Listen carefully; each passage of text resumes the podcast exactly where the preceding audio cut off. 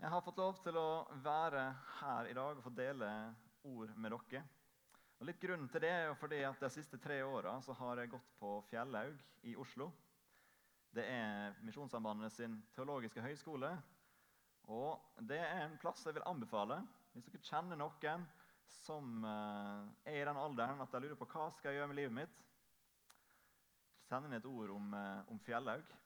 Det er en, en godt studiested hvis en tenker studier innenfor kristendom, KRLE, teologi og misjon og andre studier. Det er også mulighet for dere som holder på med nettstudier, å ta det der. Så er det sagt. Og så er skolen herved anbefalt. Da er rektor fornøyd.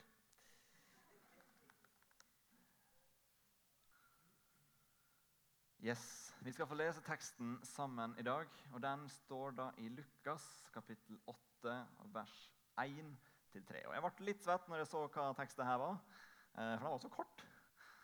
Eh, men når jeg har fått jobba med den og har fått eh, leve med den gjennom sommeren, så har han virkelig fått gi meg noe godt.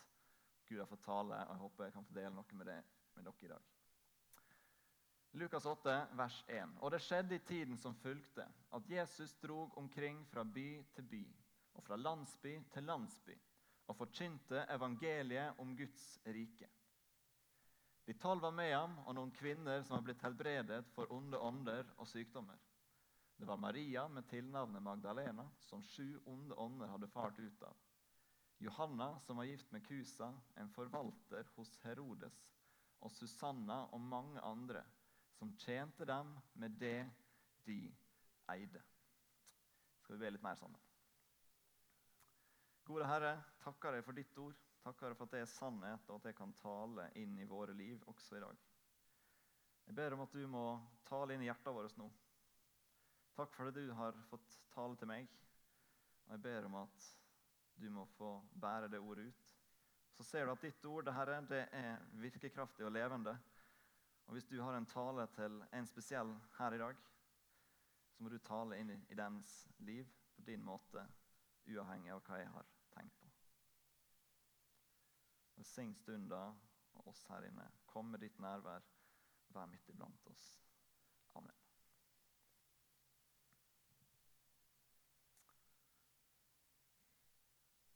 En ny høst ligger foran. Og det er alltid kjekt, syns jeg. Det er litt ny giv, det er nytt håp. Det er, Vi setter bretter opp armene igjen, og vi skal prøve oss på nytt. For mange så er høsten en litt sånn der eh, overgangstid. Andreas, forsamlingslederen her, talte rett før sommeren ut fra 5. Mosebok om disse overgangene i livet. Og at de overgangene er litt kritiske. Høsten vår nå kan være litt sånn. Kanskje bytte en skole. Kanskje skal en begynne på skole. Kanskje skal en ut i arbeidsliv, nytt, ny jobb. Kanskje er en faktisk blitt rykende fersk pensjonist. Det er også mulig. Og Det er en overgang, og det er en fin overgang. Men for de fleste av oss så er det kanskje bare enda en høst der vi skal få brette opp armene på nytt, begynne en gang til. Men uansett så er høsten det er en tid der det er blitt mulighet til å slå nye røtter. La dem slå litt ny rot. Ta opp igjen litt denne tanken om hvor er jeg egentlig på vei. Hva er livskursen min? Hvor er livsskuta på vei hen? Men når vi da skal holde på med det her, hva skal vi orientere oss ut ifra? Hva er det vi skal, hvordan skal vi tenke? Og kanskje viktigst av alt for de av oss som vil at Jesus skal prege livet vårt. Hva er det han vil? Hvordan skal vi reflektere for å følge det han vil? Det som er rett og godt. Det er veldig mye en kunne sagt om den teksten. og Det er masse folk, og det er masse navn, og det er kvinner, det er menn, det er Jesus, og det er geografi. Men jeg har valgt å fokusere på tre ting som jeg har merket her med gult. Og Det er forkynt evangeliet om Guds rike. De tolv var med ham og noen kvinner. Og det tredje og de tjente ham med det de eide. Og det første skal vi begynne med. Evangeliet i sentrum. Har du noen faste referansepunkt i livet ditt? Har du et punkt som du til stadighet vender tilbake igjen til? For min del så har de siste åra bestått i at jeg har gått på Fjellhaug, og der er det en sinnssykt god lunsj som jeg bare må ha med meg hver eneste dag. Sånn at Livet mitt de siste tre åra har vært orientert ut fra det referansepunktet. Alt som skjer i livet mitt, er før eller etter lunsj. Det er fra halv tolv til halv ett. Da er det jazzing med gutta og de andre i kantina på Fjellhaug. Og det har vært fantastisk godt. For dere så er det kanskje noe annet, kanskje en middagsmåltid hjemme med familien. I så fall var det sånn i oppveksten min. Kvart over fire da spiste familien fiskemiddag. Og Da delte vi morsomme og frustrasjoner, eh, historier fra dagen. Og planla litt videre før vi suste ut i, i neste prosjekt eller gjøremål. Men det å ha et sånt fast referansepunkt det hjelper oss å takle hverdagen bedre. Det er viktig å ha. Og kanskje Grunnen til det enda viktigere var at Jesus praktiserte et sånt fast referansepunkt. Han hadde noe som alt i livet hans var dreid rundt. Som alt han gjorde, handla om. Og hva var det?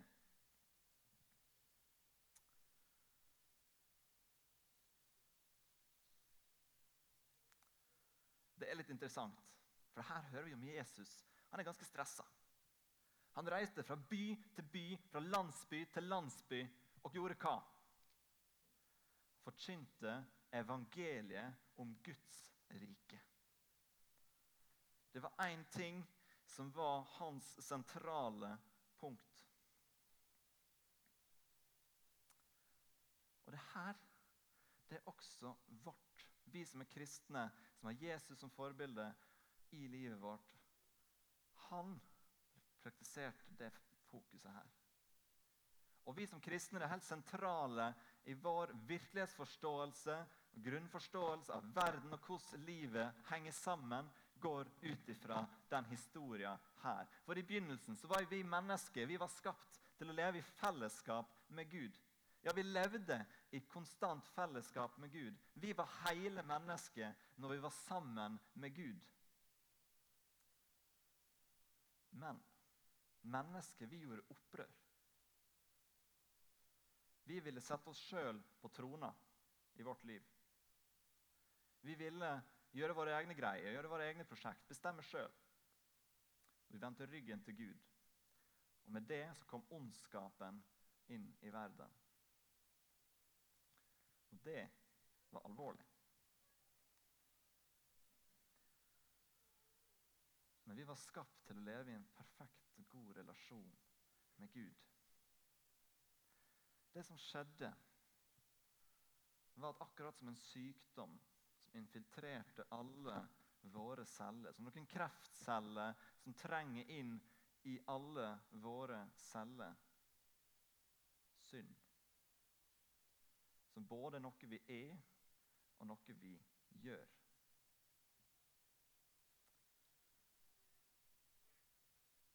Og det her det trengte så dypt inn at vi hadde ikke sjans til å komme oss ut av det. Men fantastisk nok Gud kunne ikke sitte alene og se på det her. At de mennesker han elsker, de han hadde skapt, at de gikk fortapt. Og derfor Det som var umulig for mennesket, det gjorde Gud. Jesus kom til jorda med en helt klar intensjon. Med et helt klart sentrum og referansepunkt med sitt liv. Han forkynte at veien skulle igjen åpnes fra Gud til mennesket. Sånn at vi igjen kunne få komme til Han.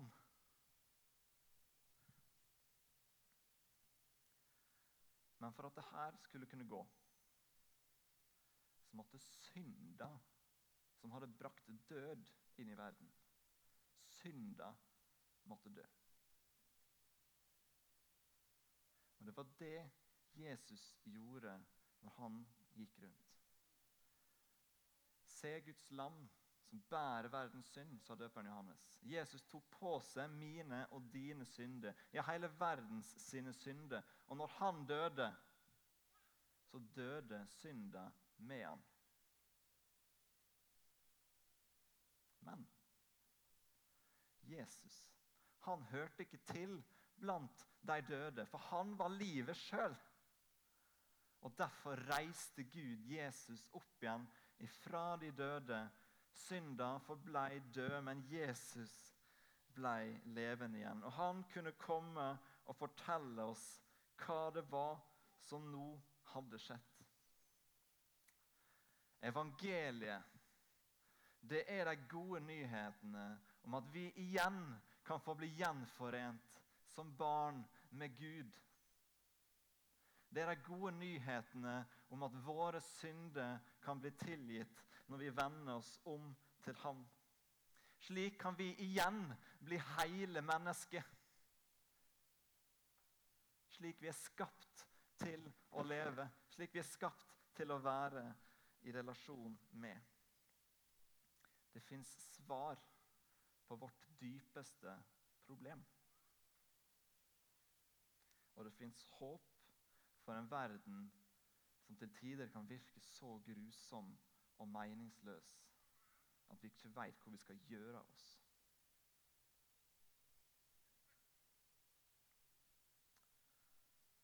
En som virkelig hadde skjønt det her og fått det inn under huda, det var Paulus. Og Han sier det så fantastisk i Romerne 1, 16-17. For jeg skammer meg ikke over evangeliet.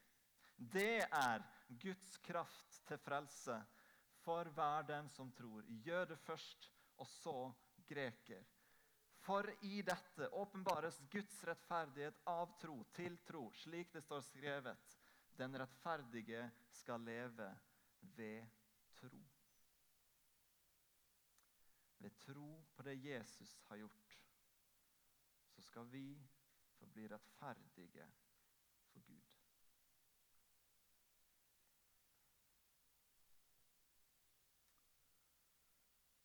Hvor fins krafta vi trenger? Hvor fins sentrum som vi trenger i våre liv? Hva var Jesu hovedbudskap nummer én? Du kan få dine synder tilgitt og bli gjenforent med din Gud.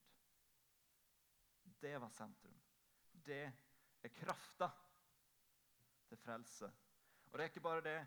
I 1. Korinterne 1 så står det det. For ordet om korset er dårskap for de som går fortapt. Men for vi som blir frelst, er det Guds kraft.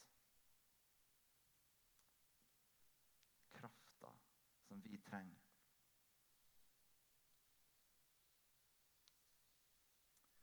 Dette her, det var Jesus sentrum. Det var kjernen for det han underviste. Det var kjernen for det han levde ut. Og Det skal lære oss noe, og det er dagens første poeng i denne talen. Og Det er at vi må ha evangeliet om Jesus og det han har gjort, i sentrum for våre liv, i sentrum for vår tanke, for våre handlinger, ja, for våre følelser. Vi må ha det der.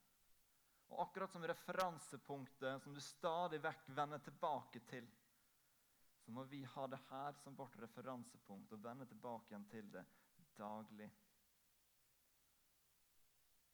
For de som husker gode Martin Luther, så snakker han om en daglig omvendelse. Tilbake igjen til Jesus. For evangeliet, dere ja, det er det som gjør oss hele. Det er det som definerer oss som kristne, faktisk. Og Når vi har blitt gjenforent med Gud, så definerer det oss i hvert fall. Men det er ikke bare oss. Det definerer også oss som menighet og fellesskap. For det er én ting vi her inne har til felles som tror på Jesus,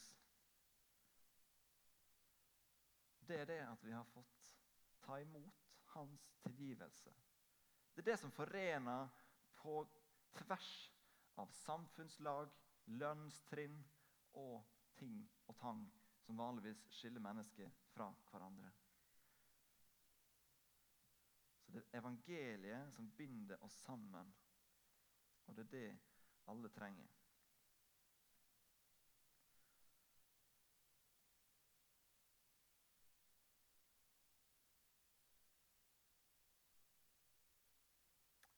Tenk etter.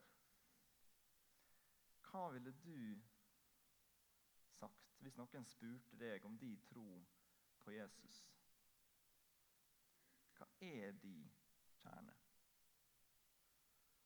Hva er det første du ville sagt? En god moral, et fint opplegg, gode venner, gode ting.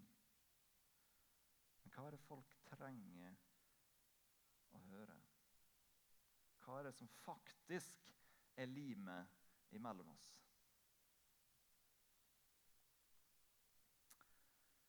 Det er faktisk litt kjappere med de to siste punktene eh, på denne talen. For evangeliet i sentrum det har noen følger. For evangeliet i sentrum det gir etterfølgelse i bevegelse. Og Hva betyr det? Jo, I verset 2 her så ser vi at de tolv var med ham og noen kvinner. Og Det vil fokusere litt på. Disiplene sprang ikke overalt.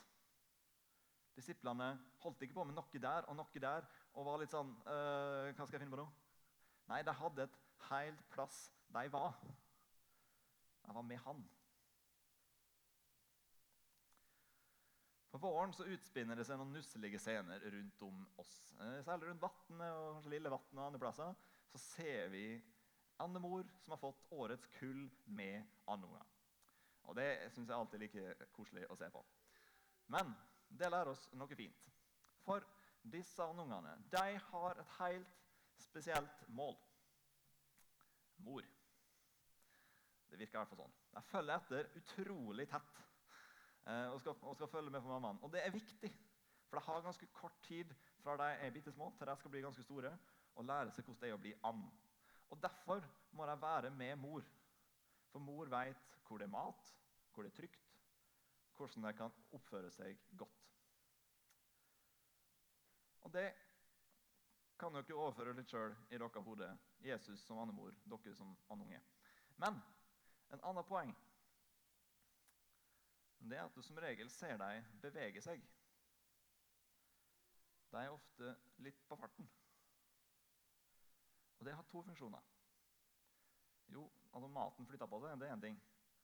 Men det andre er at rovdyr, farer, får ikke tid til å smyge seg sakte innpå og angripe i et uoppmerksomt øyeblikk når han hele veien er på bevegelse.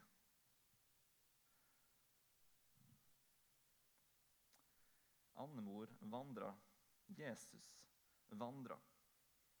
Og Det var helt essensielt. Det var helt grunnleggende for det å være en disippel. En sånn som vi ønsker å være. Det var helt essensielt for deg å være der mesteren var. Være der han underviste. Der han holdt på med ting. Der han demonstrerte livet. Det kristne livet. Derfor måtte en være der. Hva forteller dette her oss? Jo, takk som spør. Det forteller oss at når vi vet at Jesus er på vandring fra by til by, fra landsby til landsby, fra hus til hus, fra menneske til menneske, fra hjerte til hjerte, så banker han. Se, jeg står for dørene og banker. Jesus banker på i hjertedører her i Ålesund. I mennesker rundt oss. I mennesker som vi møter i vår hverdag. Men hvor er vi? Er vi ute og springer og skal hente vann eller et eller annet sånn langt borti der? Eller er vi der Jesus er? Er vi klar å vitne? Er vi klar å hjelpe til der Jesus er? Deler vi hans nød? Har vi det som ligger han på hjertet, på vårt hjerte? For han banker på hjertedøra til nye mennesker langs vår vei. Og vær så snill, ikke la oss være disipler som ikke er der Jesus er.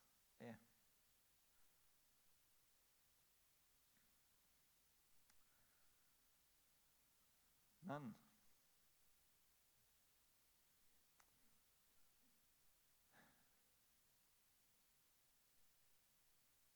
Vi må ha evangeliet som sentrum. For evangeliet, det står ikke i ro. Evangeliet er ingen tankebygning eller system du bare skal forstå og så gå videre. Nei, evangeliet er selve det vi er her for som menneske. Både du som ikke tror på Jesus, og du som tror på Jesus. Ellers har verden blitt klappa sammen for lenge siden. Fordi Gud har en redningsplan på gang. Fordi Gud vil at alle mennesker skal bli frelst og lære sannheten å kjenne. Evangeliet er det vi er her for. Vi skal dele det. Og de som ikke tror, skal få ta imot det, for så å dele ut videre. For evangeliet gir etterfølgelse i bevegelse. La oss bare se hva som står i 2. Korinterne 5,19. For det var Gud som i Kristus forsonte verden med seg selv, slik at han ikke tilregner dem deres misgjerninger. Det var evangeliet. Og så kommer det. Og han betrodde budskapet om forsoningen til oss. Så er vi da utsendinger for Kristus, og det er Gud selv som formaner gjennom oss. Vi ber dere på Kristi vegne, la dere forsone med Gud. Hva var det vi skulle be folk om? La dere forsone med Gud.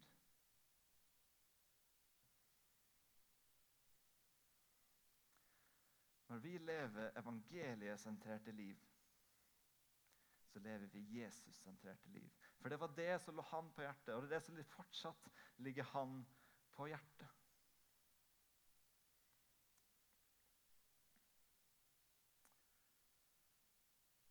Når vi lever et liv som Jesu disipler, så er det et liv som i seg sjøl forplikter. Men det er også mer.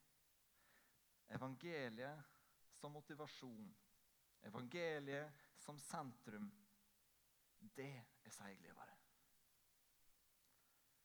Det holder jeg hos Jesus livet ut. For har du fått se, har du blitt satt i brann for det han har gjort, fått se hva han har fått gjøre for deg, så er han blitt alt for deg. Og Da skylder du han alt. Og da er det ingen andre plasser du heller vil være enn der han er. Og han beveger seg fra hjerte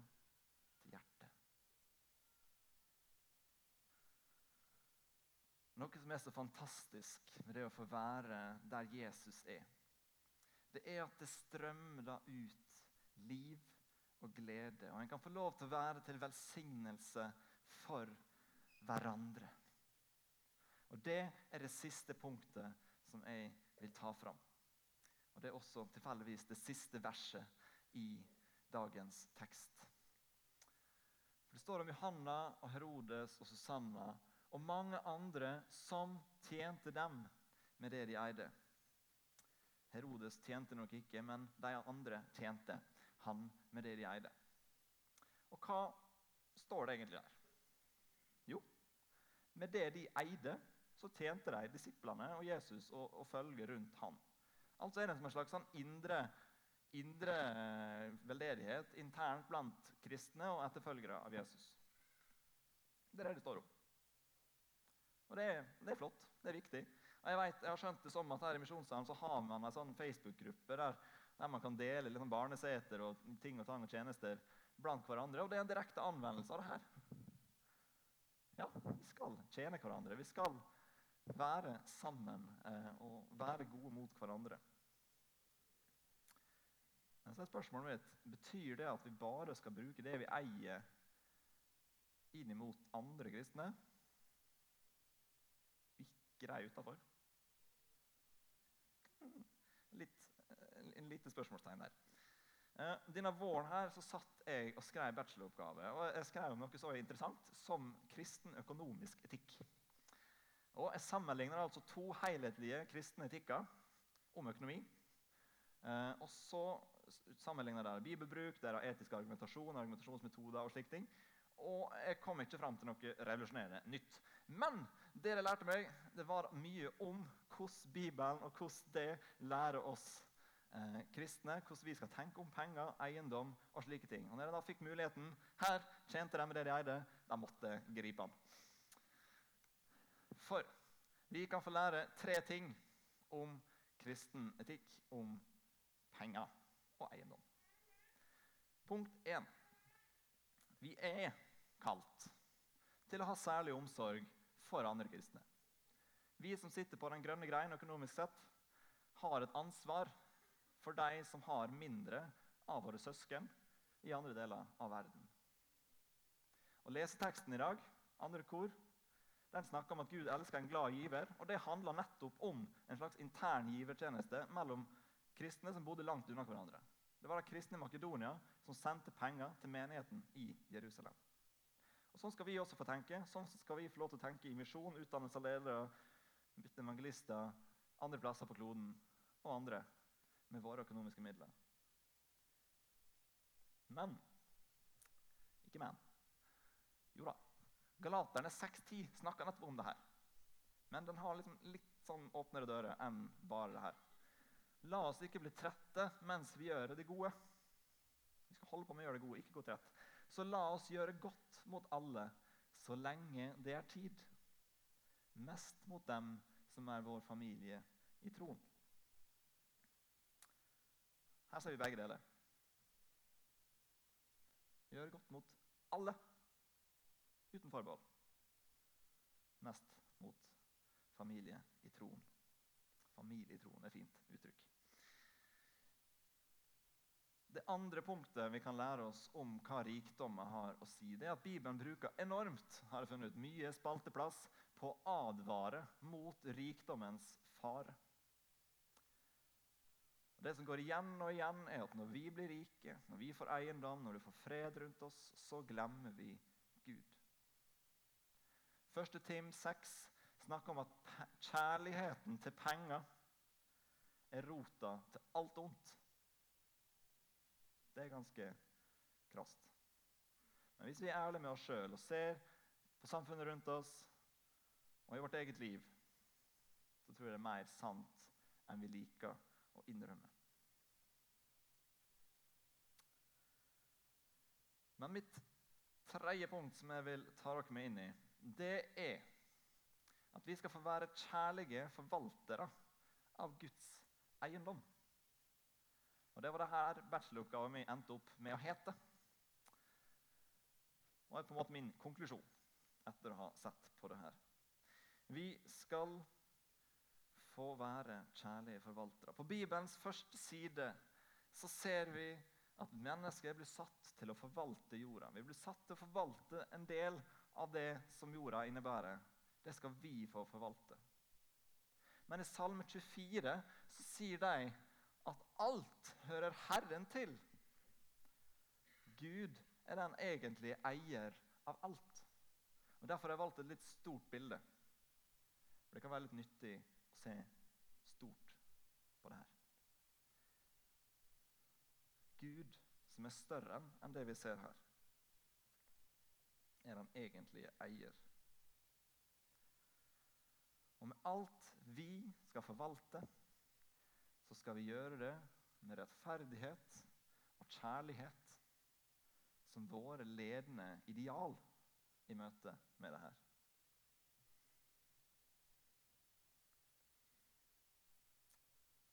Det vil si at alt vi tenker Det er ganske dramatisk, altså. Vi skal tenke om våre eiendeler som at det er Guds eiendeler. At vi skal forvalte dem med kjærlighet og rettferdighet som ideal.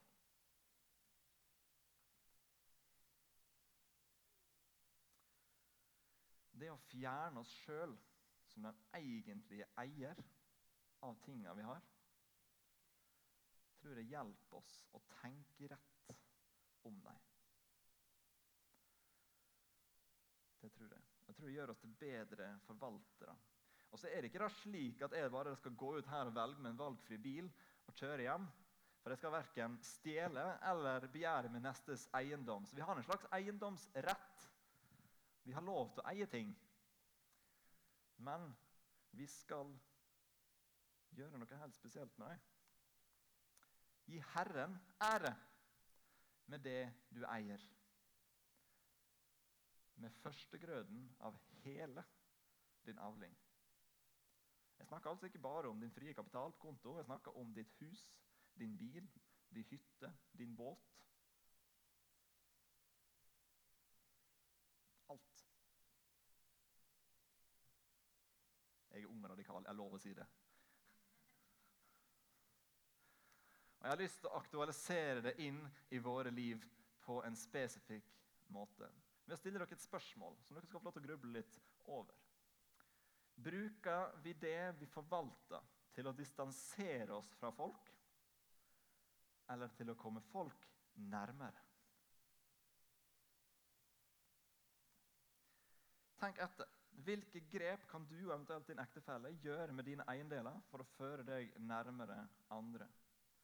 Hva kan du gjøre for å få flere til å ringe på hjemme hos deg? Eller kanskje gi deg en unnskyldning for å ringe på hos andre? Tenk litt på det. Bruker vi eiendelene våre til å distansere oss eller for å forene? Og bare For å være helt konkret på slutten, så har jeg funnet opp en liste på ti punkt. Bare for at uh, man skal få litt konkret tanke om det. Er, liv er faktisk ganske konkret. Punkt 1. Arranger åpent hus for nabolaget. 2. Inviter med naboen, kollegaen, på hytta ei helg. 3. Lån ut hytta til en barnefamilie. Punkt 4. Bruk bilen til øvelseskjøret med en av våre nye landsmenn, eller kanskje en av de unge her i menigheten. Punkt 5. er det en ungdom i nærheten som gjerne skulle lånt bilen din til noe fornuftig. Hm. Den er utfordrende. Nummer 6. Lån bort campingvogna, bobilen, til noen som ikke er så heldig at de har en slik. Punkt 7. Inviter naboen over gangen i blokka eller ungdommen som går forbi på et slag Beckerman eller en trivelig ettermiddagskaffe. Punkt 8. Har du en løssuger eller en annen praktisk duppedings som kan hjelpe til i høstsjauen, spør om de vil låne.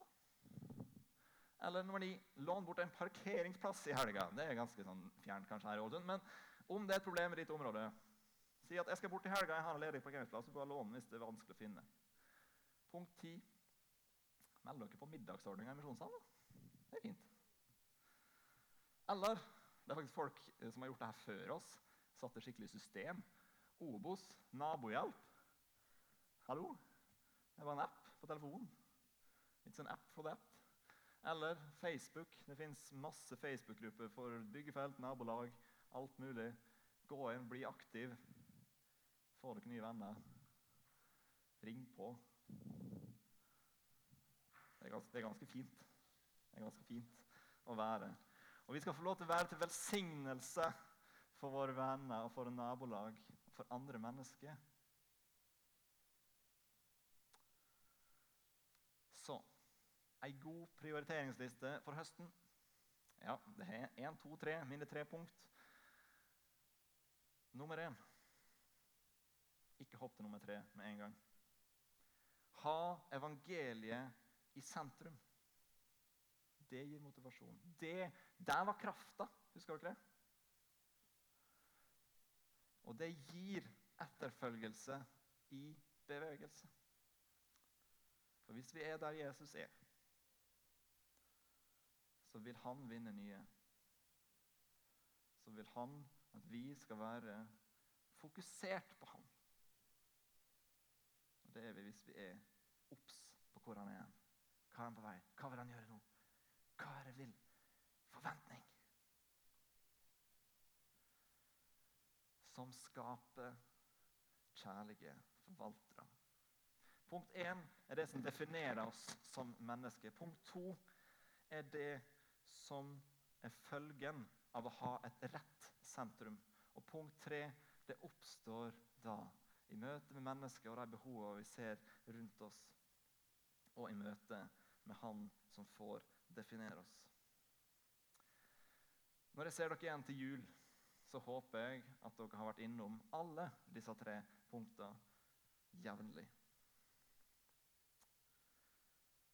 La oss ha evangeliet, Jesus store evangelium, som sentrum for våre liv og for vår forsamling.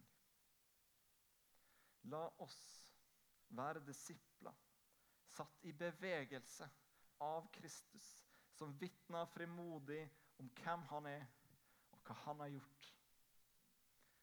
Og La oss ikke bruke våre eiendeler til å bygge stengsel, men til å åpne porter oss imellom. Gled dere til en høst med evangeliet i sentrum. Skal vi be sammen? Kjære himmelske Frelse, vi takker og lover deg for at du er en så fantastisk god Gud. Som vil oss det beste, og som gjør oss til hele mennesket når vi får komme sammen med deg. Vi ber om at vi må få bli grunnfesta og satt på plass i evangeliet. At du må føre oss i bevegelse, vise oss hvor vi er på vei. Og la oss få være kjærlige forvaltere, Herre ber om at din ånd må fylle oss, hver enkelt, og gi oss den styrke og kraft som vi trenger. Så ber jeg deg, Herre, hvis det er noen her som ikke har fått ta imot deg, har deg som Herre i livet sitt, eller som har merka at du har kommet på avstand Herre, kall på deg i dag. La deg ikke gå ut her før de har nappa tak i sidemannen og sagt kan du be for meg, eller snakke med meg om det her. Herre, må dette være en menighet der vi kan få være brødre og søstre, få være åpne med hverandre om evangeliet, om dine ting, det som ligger deg på hjertet.